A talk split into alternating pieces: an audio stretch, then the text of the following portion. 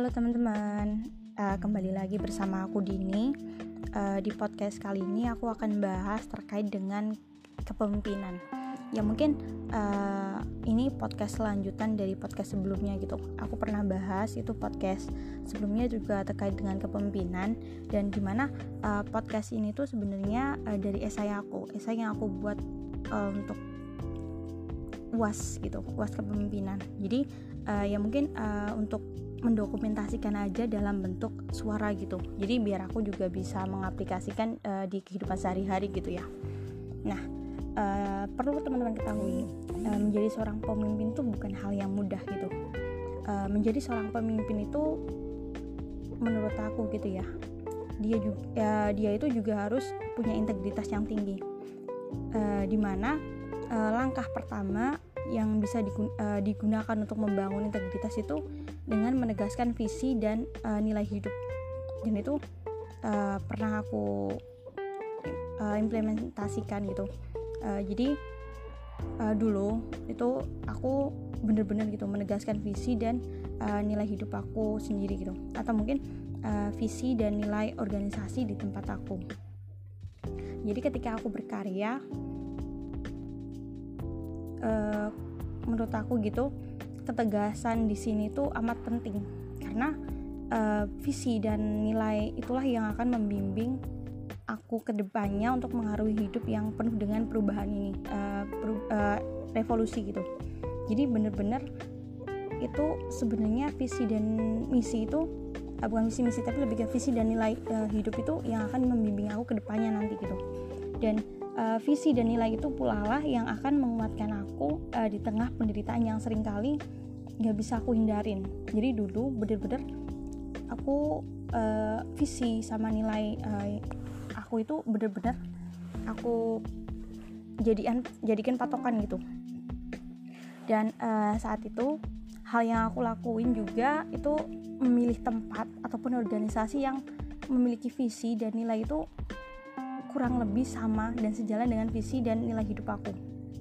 Jadi inilah juga pentingnya uh, supaya aku bisa jalani hidup yang bermakna di tempat aku uh, organisasi sekarang dan berkarya itu uh, bisa sungguh-sungguh dan memberikan dampak yang positif gitu uh, bagi sosial dan uh, masyarakat luas.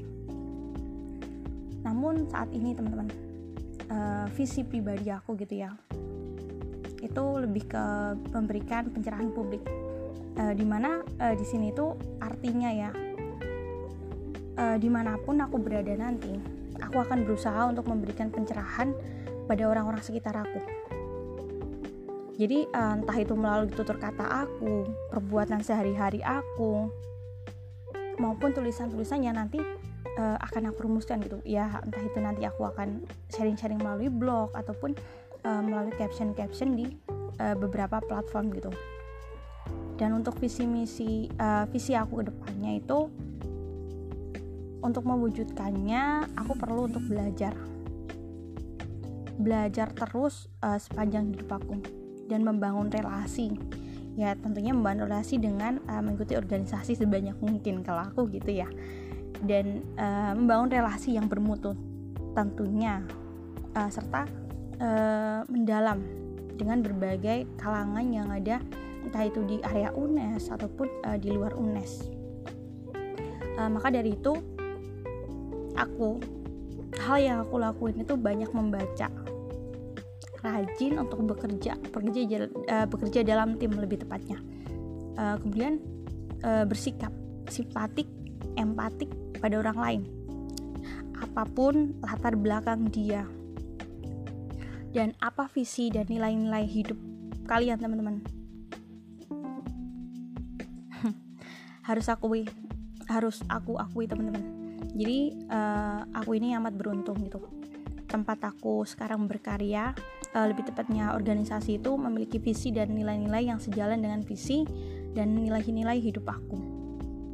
Jadi uh, ini membuat aku gitu tetap bersemangat untuk berorganisasi dan berkarya.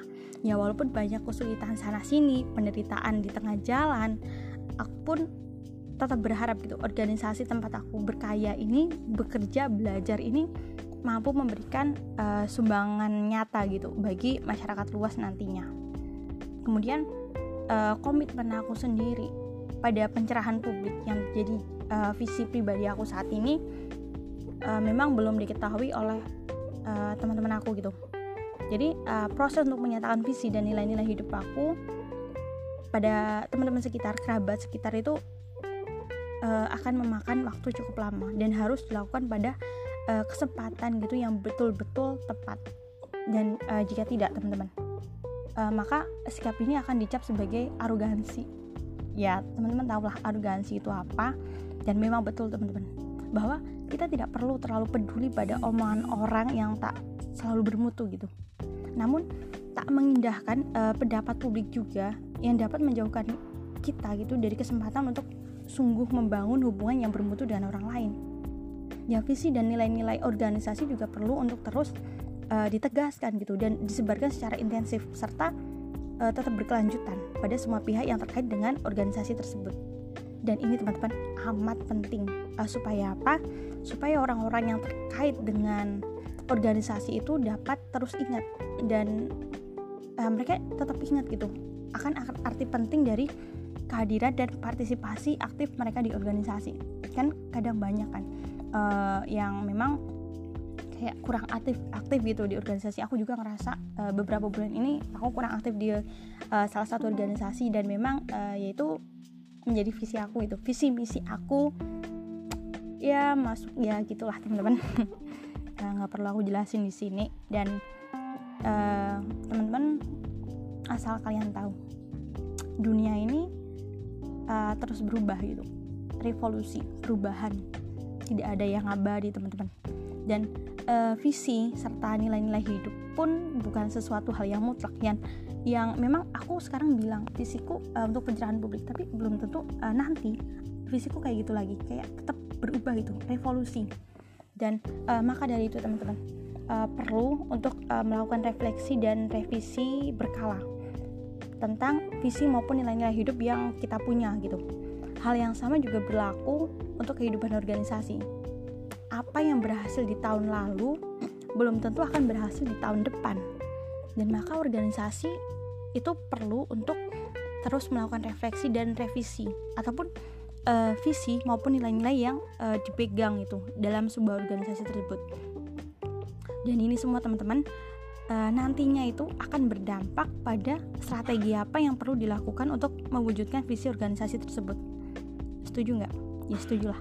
Nah uh, di sini aku itu rutin untuk uh, bertanya gitu pada diri aku sendiri. Apakah visi dan nilai-nilai hidup aku masih relevan untuk menanggapi perkembangan zaman sekarang ini secara bijak gitu? Sampai sekarang saat aku itu masih yakin bahwa visi dan nilai-nilai hidup aku masih amat relevan untuk zaman ini. Namun aku tetap terbuka gitu pada kemungkinan uh, jika sesuatu saat gitu suatu saat nanti aku harus mengubah visi dan nilai-nilai hidup aku yang sekarang aku pegang. Dalam konteks organisasi hal yang sama juga diperlukan teman-teman. Seluruh pihak di dalam organisasi harus melakukan refleksi rutin pada visi dan nilai-nilai yang mereka pegang. Dan jika perlu teman-teman melakukan revisi atasnya. Ini bukanlah tanda inkonsistensi. Bukan kayak ih nggak konsisten gitu enggak melainkan uh, tanda keterbukaan dan kemauan organisasi untuk beradaptasi dengan perubahan zaman sehingga uh, bisa terus ber memberikan dampak positif pada masyarakat luas. Dalam konteks organisasi itu, integritas bisa diperoleh dengan menerapkan model kepemimpinan yang melibatkan. Pemimpin itu harus mampu menyentuh dan menggerakkan hati orang-orang yang dipimpinnya untuk berpartisipasi secara aktif mewujudkan visi bersama organisasi tersebut. Hanya dengan pola ini, visi organisasi itu bisa tercapai dan nilai-nilai organisasi itu bisa tetap dipertahankan. Dan aku amat jarang menemukan sosok pemimpin yang mampu melibatkan setiap orang di dalam organisasi untuk mencapai visi bersama dengan dipandu pada nilai-nilai yang dipegang oleh organisasi tersebut. Yang banyak ditemukan uh, justru ada pada pola kepemimpinan birokrat yang asal perintah namun tak memiliki kejelasan visi dan wawasannya sempit gitu.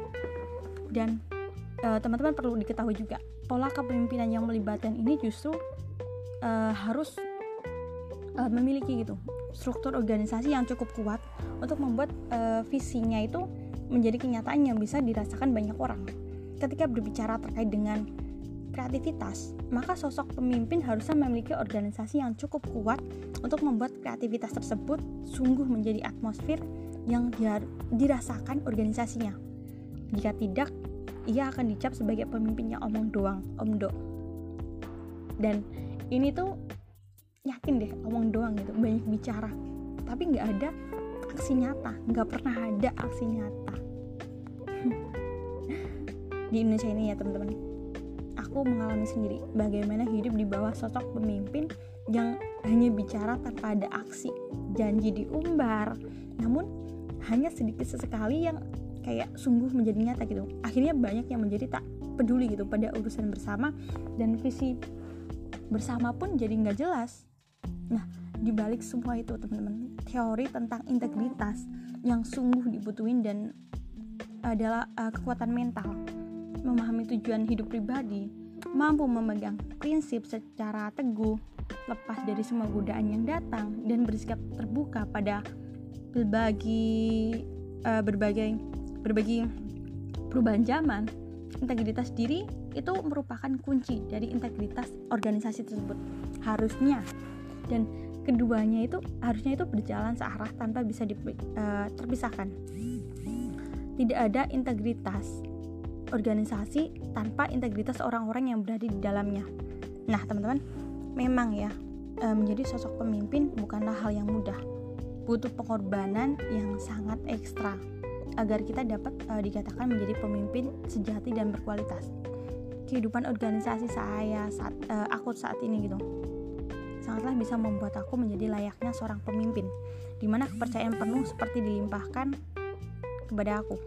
Hal ini sangatlah bagus untuk melatih kepemimpinan aku uh, ke depannya.